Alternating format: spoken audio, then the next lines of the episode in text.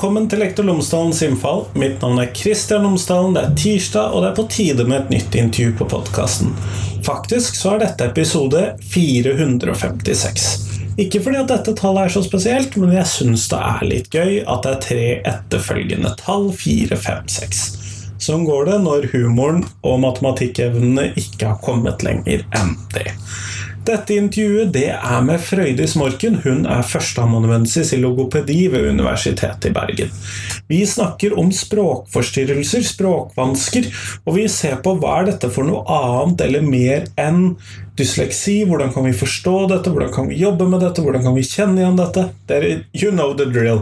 Jeg snakker om de ulike temaene på podkasten mye under de samme problemstillingene hva er det? Hvordan kjenner vi det igjen? Hvordan gjør vi det best for elevene våre? Men språkforstyrrelser, språkvansker, som noe annet eller noe mer enn dysleksi. Sånn at det er dagens tema. Men podkasten er sponset av Fagbokforlaget, og Fagbokforlaget utgir bøker og digitale læremidler for hele utdanningsløpet, fra barnehagen av til høyere utdanning og profesjonsstudier. I tillegg så utgir de også bøker for norsk for minoritetsspråklige. Og Det siste året så har det kommet ut en rekke spennende titler til lærerutdanningene. Og to av disse bøkene er Lekende læring og Lærende lek og Profesjonell muntlighet. Og I boken 'Lekende læring og lærende lek' utforsker forfatterne ulike måter å tenke på når det kommer til lekbasert undervisning i begynneropplæringen. Innenfor fag, på tvers av fag, i skolehverdagen og for hele skolemiljøet. I profesjonell muntlighet så handler det om stemmebruk, retorikk, diksjon, og er skrevet for alle som lever av å snakke. Fagbokforlaget kommer stadig ut med nye læremidler, så følg med på fagbokforlaget.no, så kommer det kanskje noe som du syns er kjempeinteressant. Men nå, nå får du intervju med Frøydis. Vær så god.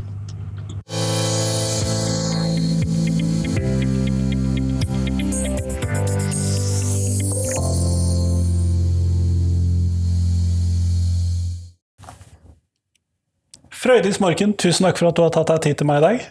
Jo, bare hyggelig, du. Det var veldig hyggelig å bli invitert. Før vi kommer sånn ordentlig i gang med intervjuet, så hadde jeg håpet at du kunne fortelle lytterne mine tre ting om deg selv, sånn at de kan få bli litt bedre kjent med deg. Ja, det kan jeg gjøre. Eh, jeg er jo førsteamanuensis ved Institutt for biologisk og medisinsk psykologi, der jeg jobber eh, hovedsakelig med logopedutdanninga. Jeg er eh, logoped sjøl, men har for så vidt bare en veldig kort lynkarriere som klinisk logoped. Men jeg har også en bakgrunn innenfor språkvitenskapen med et hovedfag i, hovedfag i lingvistikk fra, litt fra gamle dager. Så, så, det er på en måte min, min fagbakgrunn, da, sånn sett. Um, og så har jeg hatt en litt sånn bikarriere innan jeg jobba en del med, med, ungdomsutveksling og sånn. Så det, det, har vært en litt kronglete vei hit, men nå er jeg her. Uh, og det andre jeg tenkte jeg kunne si, er at jeg er jo oppvokst i en uh, lærerfamilie, tror jeg jeg får si, der, uh, der, begge mine foreldre har vært i skoleverket og mye på videregående skole da, og har, har vært både lærere og har vært rektorer i, i, skolen. Og til og med min morfar var rektor i sin tid, så det at konversasjonen rundt middagsbordet har vært mye, mye skolerelatert gjennom oppveksten. Uh, og så en sånn liten annen, annen, ting jeg tenkte jeg kunne nevne, er at jeg har jo vært uh, på utveksling i USA, og seinere også bodd uh, i en vertsfamilie i Bolivia. og det der med å bo i en, en, vertsfamilie et annet sted gir deg jo på en måte et slags sånt innenfra perspektiv på på eh, andre kulturer og andre måter å gjøre ting på. Og, og, tidligere så var jeg veldig glad i å reise og reise masse og sånn. Og, nå merker jeg kanskje at reiselysten kanskje har lagt seg litt, men jeg opplever jo likevel de erfaringene som veldig sånn definerende for både på en måte for livet og for måten en ser ting på. Og, og sånn, og nå, nå var jeg riktignok en tur i, i Salzburg nå i våres etter pandemien og sånn, opplevde det som en sånn fantastisk aha-opplevelse. Bare sånn Oi, så, så, flott det er i Europa, ikke sant? Men, Endelig eh, igjen. Ja, sant. Så jeg skal ikke si at reiselysten er helt borte, men, men eh, i alle tilfeller så, så, opplever jeg de erfaringene der som er veldig sånn definerende for hvem jeg er, og og hvordan jeg tenk, tenker på ting, kanskje. Mm. Eh, og det høres veldig kjent ut for eh, min del, det skal jeg bare si. Men eh, når vi da snakker om For dagens tema, det er språkvansker. Men det er ikke det samme som dysleksi, forstår jeg. Og hvordan skal vi forstå disse begrepene ja, oppimot hverandre? Ja, det kan du si. Det er jo, altså, dysleksi er jo det er i hovedsak på en måte mitt forskningsfelt, og, og er jo eh, kanskje en eh, La oss kalle det en tilstand som, som på en måte allmennheten vet mer om. Vi, vi kjenner begrepet dysleksi. De fleste har et, en tanke om hva som inngår i dette. Det er, det, er, vanskelig å, å, tilegne seg lesing og skriving uh, på, på en, en, litt sånn ubesværa måte. Mange, mange, opplever jo at uh, for de fleste så, så, går dette med å lære seg å lese sånn noenlunde smertefritt, men så, så har vi disse barna som, som strever mer enn en skulle forvente, ikke sant. Uh, og så sier du språkvansker, og da skal jeg først bare hekte på en liten kommentar der om at uh, det har vært en, uh, en utvikling i, miljøet de siste, de siste åra, der vi nå går mer og mer over til å kalle det språkforstyrrelse. Nettopp. Der er en vi kan snakke litt mer om det seinere, tror jeg, rundt hva slags type språkforstyrrelse en kan en se for seg at, at vi opererer med. Men, men, for å komme tilbake til det du spurte om med forholdet til dysleksi, så, så uh, snakker jeg ofte om dette som et slags diagnostisk felt, da, kan du si. Altså et, et, et felt av ulike typer vansker som fletter seg litt inn i hverandre. ikke sant? Vi, vi snakker ofte om risikofaktorer og beskyttende faktorer, eh, der vi har et sett, eller litt sånn for så vidt udefinert sett av, kan en se for seg, kognitive uh, ferdigheter eller evner eller ikke sant, som ligger der, og som alle inngår i disse ulike uh, ferdighetene. Det kan være seg muntlig språk, eller det kan være seg leseferdighet eller, eller skriving, ikke sant? eller det kan være andre tilgrensende uh, ting et barn skal lære seg, eh, der en trenger, en trenger arbeidsminne, ikke sant. En trenger en slags språklig prosesseringskapasitet. En trenger det å klare å hente fram uh, ord fra minnet, ikke sant. Altså alle disse tinga. Uh, og så har vi alle vår egen profil på hva vi er sterk og hva vi er svak på i dette. Og hvis en er svak på nok ting, så får en et slags bilde, altså et, et symptombilde, kan du si, eh, som samsvarer med type en dysleksiprofil eller en, mer en språkforstyrrelsesprofil som er mer på det muntlige, ikke sant. Der et barn kan ha vansker med å med å uttrykke seg, eller de kan ha vansker med mer sånn spesifikk grammatikk, altså f.eks. det med, med, endelser på ord, ikke sant, eller verbøyning, eller hva nå enn det måtte være, sånn, sånn sett. Så det at det, øh, og det er jo ikke sjelden at vi ser at, at, barn har på en måte en profil som samsvarer med både dysleksi og med, med en språkforstyrrelse, ikke sant, også fordi at en språket selvfølgelig på en måte inngår i dette med lesing og skriving. ikke sant? Altså, det, er ja, det er vanskelig at, å komme unna. Det er vanskelig å komme unna. Det, det, er, det er, klart at det er en del av det, det samme sakskomplekset, på en måte. Uh, men allikevel så er det uh, veldig mye mindre kjent. Vi sier jo det generelt at, at det er gjerne like hyppig hyppig med en språkforstyrrelse som det er med dysleksi, men, men eh, mannen i gata vil gjerne ikke kjenne til dette med språkforstyrrelse. ikke sant? Og nå, nå, nå sier jeg språkforstyrrelse når jeg prøver å liksom konsentrere meg om å bruke det nye, oppdaterte begrepet. Altså, det er skal, noe av det vanskeligste. Ja, definitivt. Du skal ikke se bort ifra at jeg sier språkvansker på et eller annet tidspunkt i løpet av denne samtalen, men, men før så snakka vi gjerne om kanskje spesifikke språkvansker, ikke sant? Eh, eller språkvansker mer generelt. Altså, det, er, det er jo folk som har gått igjennom begrepsbruken i, i litteraturen som omhandler disse tinga. Så man finner altså et sånt utall begreper som blir brukt for å mer og mindre spesifikt beskrive eh, disse altså, Eller altså dette slags bilde, altså dette det du ser hos et barn som ikke helt får til dette med muntlig språk, da. Og så har de da prøvd å lage ganske nøyaktige begreper, og så har ja. de ikke snakket sammen, og noen har lagd eh, nesten overlappende Nettopp, ikke sant. Og så, og så, blir, det, så blir det utydelig hva en egentlig snakker om, ikke sant. Så det, at det, det ble gjort et stort arbeid, i, særlig i Storbritannia for noen år siden, der, eh, der de anbefalt å gå vekk fra dette begrepet med 'specific language impairment', som det het på engelsk. ikke sant? Spesifikke språkvansker på norsk. Både fordi at det, det, blir jo stilt spørsmål om hvor spesifikt dette egentlig nå er, da, ikke sant? Og, og fordi at det, det, har vært uklart hva som egentlig har inngått i denne sekken, ikke sant? Og da gikk de over til at de ønska å kalle det Developmental Language Disorder, eller DLD på engelsk. Og så har da en norsk gruppe av, av, forskere gjort et tilsvarende arbeid her i Norge. Og de har landa på dette med, med språkforstyrrelse, da, utviklingsmessig språkforstyrrelse, som, som, på en måte dekker mye av det som før het spesifikke språkvansker, eh, men som allikevel på en måte skiller seg i noen grad, da. Dette er jo mildt sagt komplisert. Det er det. Men hvis jeg da som lærer For jeg står jo da i et klasserom, og så møter jeg alle disse utallige elevene, og så noen viser tydelige tegn på det jeg har fått beskjed om via et etterutdanningskurs, at det er dysleksi. og så ja.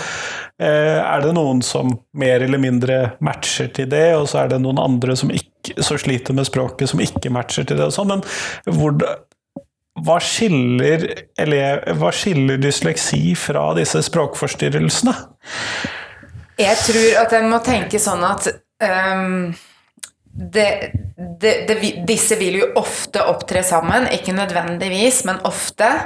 Men jeg tenker at nesten i ethvert tilfelle der du mistenker noe på lesing og skriving, som kanskje for en lærer er lettere å se, Uh, fordi at en er så vant til å ha øye på det der med lesing og skriving. ikke sant? De skal jo lære dette her, og alle må gjennom dette. Det. Ja, nettopp. Og du har en slags idé om, om hvor fort er, er, Hvor rask innlæring er raskt nok. ikke sant? Når oppfatter du at et barn begynner å henge etter? Du har en slags tanke om det. Du har i hvert fall en tanke om når når du burde begynne å, å, kanskje hente inn noen som kan kartlegge dette barnet. ikke sant? For mange så tenker jeg at en kanskje burde kartlegge før en tror, men det er jo en helt annen debatt. Men jeg tenker at hvis du først har begynt å tenke at du skal få undersøkt et barn for lesing og skriving, så skal du også prøve å få undersøkt det for språk, for det henger så tett sammen. Eh, så det er så, men så, så tenker jeg at én ting er de barna som har denne eh, dysleksien som, som, kanskje kan ledsage problematikken. Men så har du også en gruppe barn som kanskje ikke viser så mye på lesing og skriving, men som allikevel kan streve. ikke sant? Eh, og da Ofte så kan en se sånne ting som at det de kanskje strever mer i det sosiale relasjoner, ikke sant. De kan ha litt sånn uhensiktsmessige reaksjonsmønster. De kan kanskje virke uoppmerksomme, ikke helt få med seg beskjeder. De kan uh, kanskje bli noe mer aggressive, ikke helt takle denne relasjonen med andre barn. ikke sant? Kanskje de blir gående litt aleine. Kanskje, kanskje ungene ikke helt liksom klarer å være sammen med dem, fordi de ikke De forstår ikke de liksom helt sosiale kodene, eller responderer ikke sånn som de andre barna forventer at de skal respondere. Altså, det, det, er en del litt sånne mer eller mindre subtile tegn som, som for noen vil gjøre at en tenker hm, kan, det være, kan det være ADHD? Kan det være en slags uh, sånn, sånn uh, mer generell atferdsvanske, ikke sant? Og, og, alle disse inngår på en måte i dette feltet som jeg var inne på tidligere, ikke sant?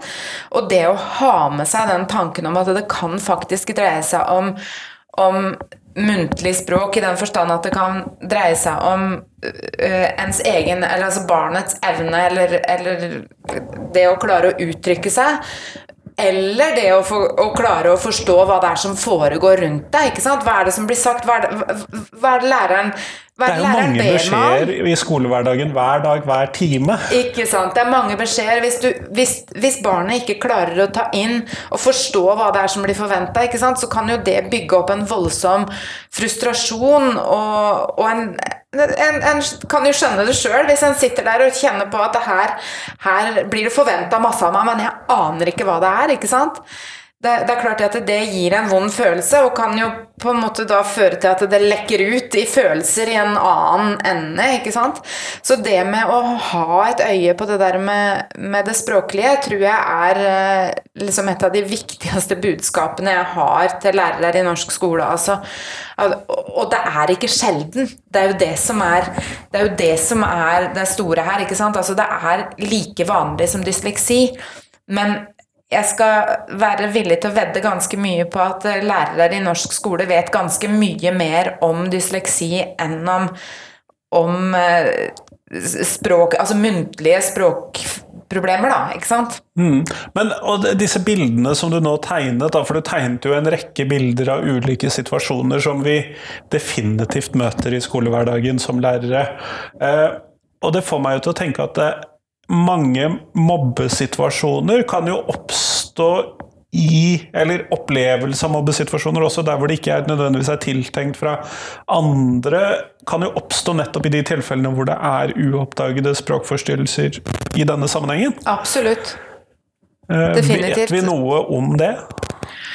Det, jeg har ikke sett noe forskning på det, men det er klart det at det, det, det kan skape en del sånn uhensiktsmessige kommunikasjonsformer. ikke sant? Og det, det, kan jo bety at den som har en språkforstyrrelse eller en type språkproblem, kan stå både på mobbersida og på den mobbede sida, ikke sant? Fordi at det, det er et eller annet som, som ikke helt klikker i hop sosialt, ikke sant? Og, og en kan jo bli litt sånn underlegen hvis en, hvis en ikke får dette til, men en kan også da velge å, å bruke det en har, ikke sant? Og gå utover, ja. ja. Mm. Så, så, det kan liksom gå begge veier. Men, men det er definitivt det her med liksom, det en kan kalle for eksternalisering og internalisering av sånne følelser, er jo noe en definitivt kan, kan ønske å se mer på. Altså, for det, det, er jo også så viktig for et barn i, i skolehverdagen, ikke sant? Uh, og hvis ikke du får det her til å funke, så da vet du jo alle, da ramler du av lasset, ikke sant? Men ut ifra hva jeg hørte, da, for når jeg da stilte dette spørsmålet hva skal jeg som lærer se etter, så er det kanskje mindre min oppgave å skulle skille mellom disse ulike forstyrrelsene og vanskene og problemene osv. Det skal jeg jo egentlig da overlate til noen andre som da ja. gir meg beskjed om dette. Ja, og det mener, jeg, det mener jeg egentlig at du har helt rett i. For det, det, er klart at det, en lærer Det er ikke du som skal gå inn og differensialdiagnostisere alle disse tinga. Din jobb er å oppdage ungen og si 'her må vi faktisk sjekke ut noe mer'. Og så trenger du å få inn de fagfolka som kan som kan dette. Det er, jo, det er jo som du sa i stad, det her er veldig komplisert. ikke sant? Det er mange løse tråder, og det er mye du skal oppdage. Og, og det er ikke alt som ligger i dagen heller. Du må kanskje inn og, og gjøre noen litt mer sånn spesifikk kartlegging. ikke sant? Og, og, det er klart du skal observere, og du skal snakke med foreldre, du skal snakke med barnet, men du må i, i noen tilfeller antagelig også til med noe, noe mer sånn formell utprøving, ikke sant? Ja. Og det er klart at det, det er en altfor stor jobb for en, en, lærer i norsk skole. En har sannelig nok annet å holde på med hvis en ikke skal ta, ta det på seg òg. Ikke sant? Så det at eh, men, men det aller viktigste er jo at den som lærer er i stand til å skjønne at nå må jeg faktisk få inn disse fagfolka som kan dette, ikke sant? Uh, og, og, i noen grad kanskje også sant, spesifikt etterspørre. Uh, jeg vil gjerne at du ser på lesing og skriving, men se også på muntlig språk. Kan, kan, det være noe der? Men gitt at vi har eh, enten mistanke, som vi har bedt om at noen skal utrede, og vi vet jo at det tar litt tid, Ja. eller vi faktisk har fått tilbakemelding om at eh, dette har blitt oppdaget, og Ja. eh, du nå har en elev med språkvansker i klassen. Ja. Unnskyld, språkforstyrrelser. ja, ja, flott. Har du, er det noen sånne hva skal vi kalle det, hovedlinjer når det kommer til tilpasning for disse elevene? For ofte så, når jeg snakker med forskere som forsker på ADHD eller autismespekterdiagnoser, så sier de jo har du møtt én, så har du møtt én, og Ja. du har ikke noe sånne. Men de klarer ofte å komme med noen sånne hovedlinjer for tilpasning. Ofte så ser vi at dette funker. Ja, ja. Er det noen sånne for disse språkforstyrrelsene som kan være sånn lure å ha i bakhodet for oss? Ja, ja, altså det, viktigste er jo å være oppmerksom på det, ikke sant? Og så tenker jeg at du kan gjøre en god del tilpasninger som, som eh, er gode for hele klassen, ikke sant? Som på en måte er egentlig litt sånn eh, gode allmennpedagogiske tilpasninger, men som vi kanskje spesielt hjelper denne gjengen her, da, ikke sant? Men, men vi snakka om det med alle disse beskjedene, ikke sant? Eh, og det tror jeg mange lærere vil kjenne seg igjen i. At det kan jo bli veldig mange beskjeder. Og sjøl for et barn uten språkforstyrrelser så kan det nok bli en god del beskjeder.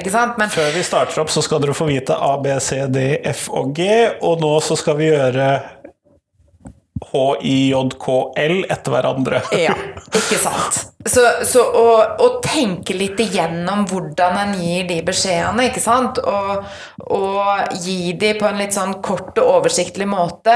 Eh, kanskje ikke prøve å bruke Ikke bruk fem leddsetninger, da, liksom, når du skal si dette.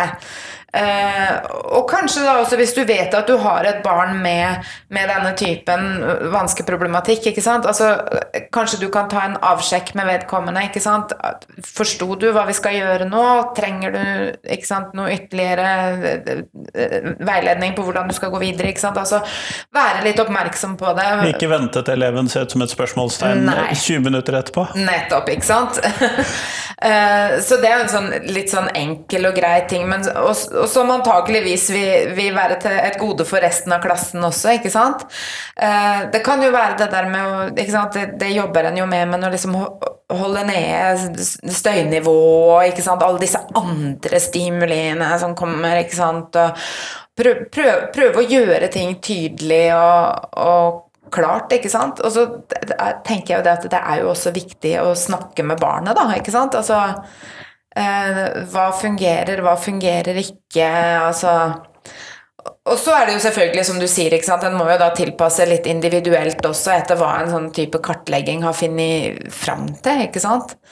Eh, no, noen er gode visuelt. Da kan det jo være greit f.eks. med en mer sånn visuell dagsplan. ikke sant? Altså Sånne ting kan, kan hjelpe. Det kan, kan eh, Kanskje en kan tilpasse leksene noe. ikke sant? Altså Det er mange mindre grep en kan gjøre som, som ikke nødvendigvis koster så veldig mye arbeidstid for læreren, ikke sant? men som allikevel støtter, støtter litt eh, i en sånn situasjon, da.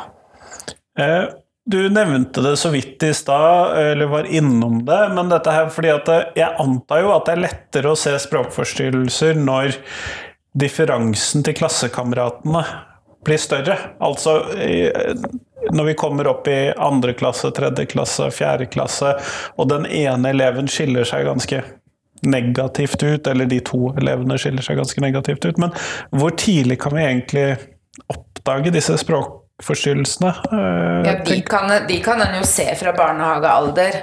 Uh, en sier Altså, det, det er jo sånn med språkutvikling at uh, språkutvikling det kan være så mangt. Uh, og et barn som på en måte ser eh, forsinka ut i toårsalder, er ikke nødvendigvis forsinka når det er fire, ikke sant? Fordi at noen er, er litt trege, ikke sant, og bare eh, utvikler seg litt annerledes. Men, men vi ser at fra sånn fire-femårsalder så begynner på en måte ting å stabilisere seg litt mer da, ikke sant? Så det at det er en som har gode språkferdigheter i femårsalder, ikke sant, si siste året i barnehagen, eh, vil Altså, alle vil utvikle seg, men, men den som den interne rangordninga, for å kalle det det, vil gjerne være mer eller mindre stabil. Så, så du, ligger du i det nederste sjiktet når du er fire-fem, så fortsetter du gjerne å ligge i det nederste sjiktet på, på, disse tinga også framover, ikke sant. Så det at eh, jeg tenker at når vi snakker skole, så, så eh, hvis en ser noen i første klasse som eh, henger litt etter, eller som en lurer litt på, så ville jeg ha kjørt, kjørt inn med en gang. og prøvd å finne ut av det her. For det, det, er jo også sånn at vi vet at det er jo den, de tidlige tiltakene som har best effekt. ikke sant? Så å vente til liksom tre-fjerde klasse med å agere på det her, det er en ganske dårlig idé. Eh, da, da, på en måte bare sitter du og, og, og, venter og ser på at barna feiler, ikke sant, før du faktisk eh, hjelper til. Og, og, noen ganger så er det jo på en måte relativt liksom, enkle tiltak som kan, kan, gjøre en forskjell, ikke sant. Um, men det er klart det at det, det, viktige er jo å vite at de, at de tinga ligger der, ikke sant? Og, og, kanskje unngå at de havner i disse vanskelige situ sosiale situasjonene, ikke sant. Altså, trenger ikke å vente på at de oppstår før det Eller får sementert seg, for den sakens skyld også.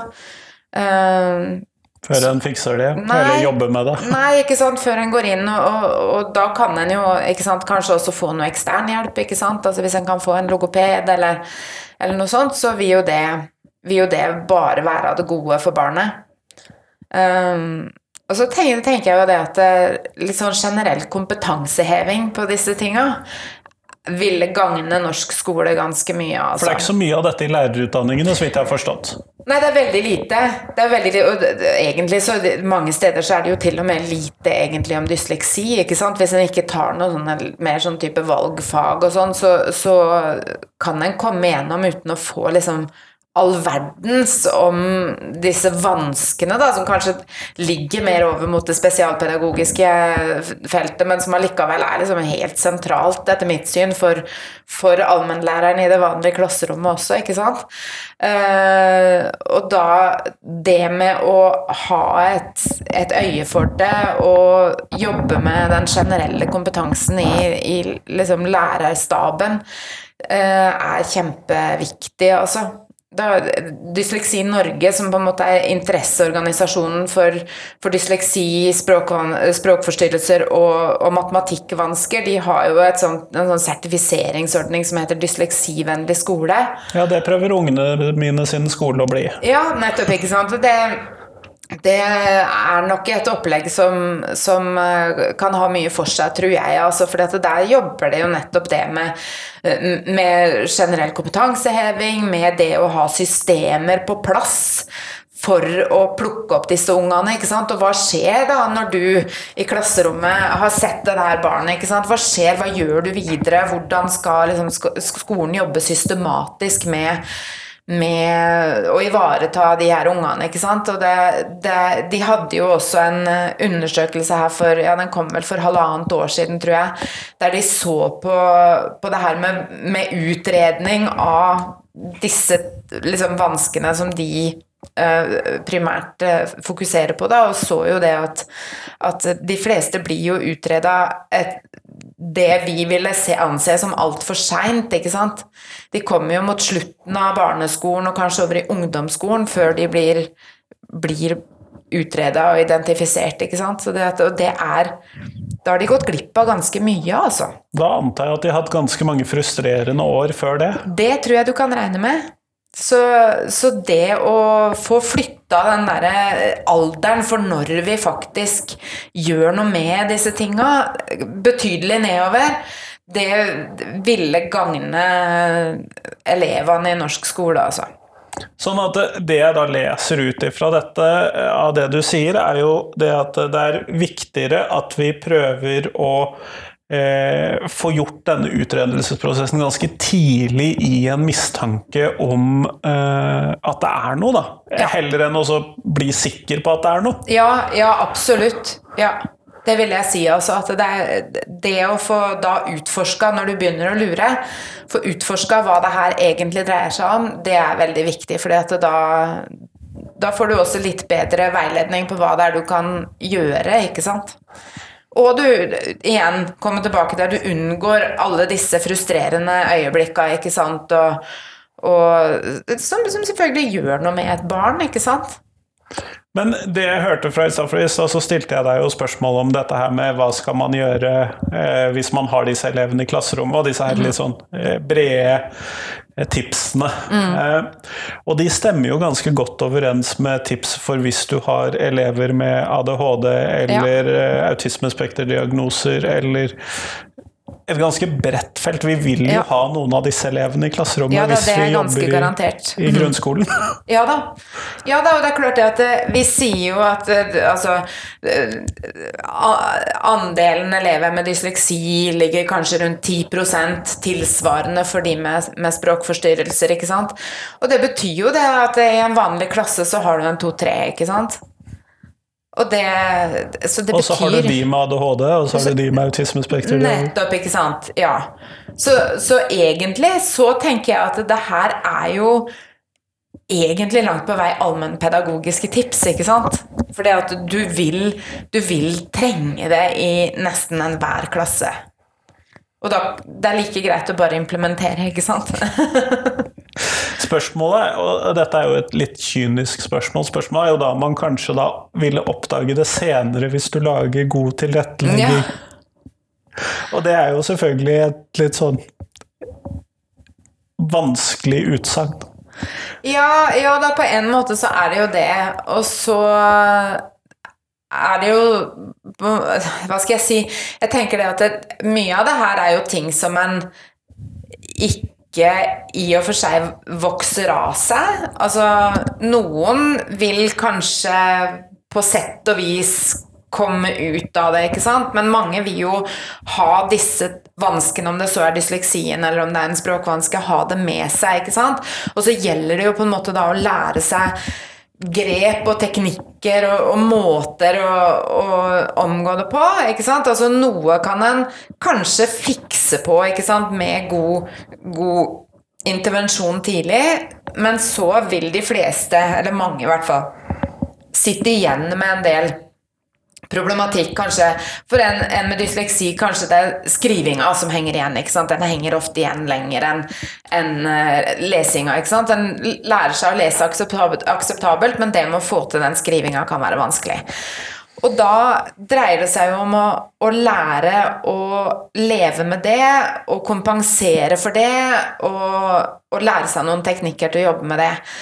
Og da, hvis en har sånne teknikker og lærer seg de her tinga, så er det jo for så vidt ikke det med, med, merkelappen som er det viktige. Det viktige er jo at du, at du lærer deg å jobbe med det. Ja, håndtere det som er deg, ikke sant. Og det var jo det jeg var inne på helt i begynnelsen, med, med denne ulike profilen som vi alle har, ikke sant. Altså, øh, du er sterk på noe, og jeg er sterk på noe, og så har vi sikkert våre svakheter, vi også, ikke sant. Uh, og, og, det er ikke på en måte det, det, vesentlige er jo ikke at noen har satt det navnet på, det vesentlige er jo at noen har skjønt hva det er som er dine ting som du trenger å jobbe med, ikke sant? eller trenger å kompensere for, eller, eller sånn sett. Så det at det, Ja, du dro meg ut i en litt sånn filosofisk tanke her nå, men, men jeg tenker det at det, det at de eventuelt får en slags diagnose eller en, en merkelapp seinere, er jo kanskje ikke så farlig hvis de har fått det de trengte på forhånd, da. Altså Hvis de har fått den hjelpa de, som hjalp de best, så var det jo ikke nødvendigvis sånn at Det er kanskje det viktigste? ja, det er jo det som er det viktigste. Det er jo ikke nødvendigvis at det var for det at de hadde denne tilstanden eller denne vansken. Eh, det er jo ikke det viktige. Det viktige er jo at det skjedde. Frøydis, vi går mot slutten av den tiden vi har sammen. Og da skal jeg stille deg det spørsmålet som jeg stiller til alle de jeg intervjuer for tiden. Og det er hva er de tre viktigste tingene som skolen lærer elevene? Ja, det, det, du stilte meg dette spørsmålet på forhånd, og det måtte jeg gruble litt på. For det, også, er det litt vanskelig, fordi jeg tenker det at skolen altså For det første, skolen er et stort begrep, og skolen er et langt løp. Og, og det er klart at det er utrolig mange viktige ting skolen må inn på, og som, en, som ligger i læreplanen og alt dette. Men, men eh, når jeg skulle på en måte plukke ut noen ting jeg hadde lyst til å framheve, da, som jeg kanskje heller sier enn at det er nødvendigvis er det aller viktigste, men noe jeg har lyst til å framheve, så tenkte jeg for å Først for å knytte én ting litt opp mot det vi allerede nå da har snakka om, så tenker jeg veldig på dette med evnen til å, å uttrykke seg og formulere seg, for så vidt både muntlig og skriftlig, at det er en ting som selvfølgelig eh, noen kan ha store problemer med, ikke sant? ha vansker med, men også de elevene som ikke nødvendigvis har vansker med det, men trenger mye trening i det. ikke sant? Altså, øh, og som er veldig viktig både for videre utdanningsliv, ikke sant? videre yrkesliv, og sånne ting. Det tenker jeg at det, å, å jobbe med det. Og i det så inngår på en måte dette med mengdetrening på lesing. Det med å lese mye skjønnlitteratur med godt språk. Altså, barn og unge i dag er utsatt for utrolig mye dårlig språk. Jeg har to små barn sjøl, og jeg sitter og hører på en del av det de, de hører på på, på barne-TV eller, eller, sånn. Og når de blir eldre, sant, så kommer en over i, i, i internettsfæren, og der er det mye rart, etter mitt syn. Så, så, så det med å på en måte gi dem en en base av godt språk som de blir utsatt for, eh, tenker jeg er viktig. Og det er viktig både for, for de med vansker og de uten vansker. ikke sant? Og det kan jo være lesing, det kan også være lydbok, selvfølgelig. Det er ikke noe, men det med å på en måte høre gode formuleringer, høre et rikt språk, det tenker jeg er, eh, er utrolig vesentlig, altså. Uh, og når vi nå var inne på internett, så tenker jeg også på dette med kildekritikk. ikke sant? For det, det, er så utrolig vesentlig i den informasjonshverdagen vi lever i nå. Det er det å, å, ikke tro på alt du hører, tenker jeg er, er en sånn essensiell eh, livsferdighet nå for tida. Eh, og samtidig så, så, liker jeg på en måte den derre tanken på skolen som en sånn slags allmenndanner, da, ikke sant? Altså ikke nødvendigvis den derre Hva skal jeg si kalle harde kunnskapen, men det med å på en måte Det felles kulturgrunnlaget vårt, ikke sant? Og, og historie, selvfølgelig, ikke sant? Altså for å forstå for å forstå samtida, så må vi også forstå hva det er vi står på, ikke sant? Og, og sånn, så det, det, tenker jeg også Det blir litt sånn store spørsmål, selvfølgelig. Uh, det er ment å hente fram store spørsmål ja. til dette spørsmålet. ja. så, så, den derre eh, rollen som, som allmenndanner, og som den som på en måte knytter oss sammen i en sånn felles menneskelighet, syns jeg er, eh, er veldig viktig. Eh, samfunnet er så fragmentert nå, ikke sant, så det å og gi oss et felles referansegrunnlag. Altså Før så hadde en jo, altså bare for 20-30 år siden så hadde en jo i større grad et felles referansegrunnlag, for vi kunne ikke velge alt hva vi skulle se på, eller vi kunne ikke, ikke sant. Uh, en, en blei på en måte i større grad kjørt litt gjennom det samme løpet, da, ikke sant. Alle så den samme TV-sendingen samtidig. Nettopp, ikke sant. Uh, mens nå så kan en på en måte følge alle mulige spor. Og da er det kanskje bra da, hvis, hvis skolen kan bidra til å samle litt grann, og, og, gi en sånn slags jeg vet ikke, en, en litterær, Sammenlignet med en litterær kanon, f.eks. Altså det at, at, vi har noe felles som, som, de fleste vet om, ikke sant? og som, som en kan referere til. Det tenker jeg det er et stort en stor verdi i et samfunn som skal jo tross alt er avhengig av å henge litt sammen, da. Det er en fordel. Ja. Tusen takk for at du tok deg tid til meg i dag. Jo, bare hyggelig.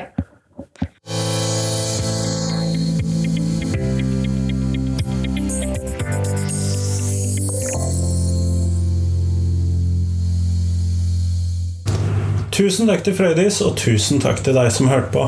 Nå er det fram til tirsdag, nei, vent litt, fram til fredag, så kommer det et nytt intervju på podkasten. Og jeg gleder meg som alltid. Jeg syns jo at det å drive podkast for dere, deg, for alle dere som hører på, er kjempegøy. Og nå har jeg holdt på i litt over seks år. Det var i begynnelsen av november, tror jeg, den første ordentlige episoden kom på Lektor Lomsdalens innfall. Og fremdeles så syns jeg at dette er kjempegøy. Og dette var jo episode 456, og så er jo jeg såpass barnslig at jeg syns det er gøy når tallrekker dukker opp. Sånn at eh, det gjorde jeg jo litt moro ut av i begynnelsen av denne episoden. Så får jo dere forstå humoren min, eller gi blaffen i humoren min. Men podkasten, den eh, lever litt av din hjelp. Så del gjerne podkasten min med noen, eller send meg tips til hva den kan handle om. Og så er jeg kjempefornøyd med det. For meg så er noe av det største gullet i dette er at dere hører på, og at jeg får tilbakemeldinger om at dette er interessant. Så del gjerne podkasten med noen. Men nå, nå får du ha en god uke videre. Hei, hei.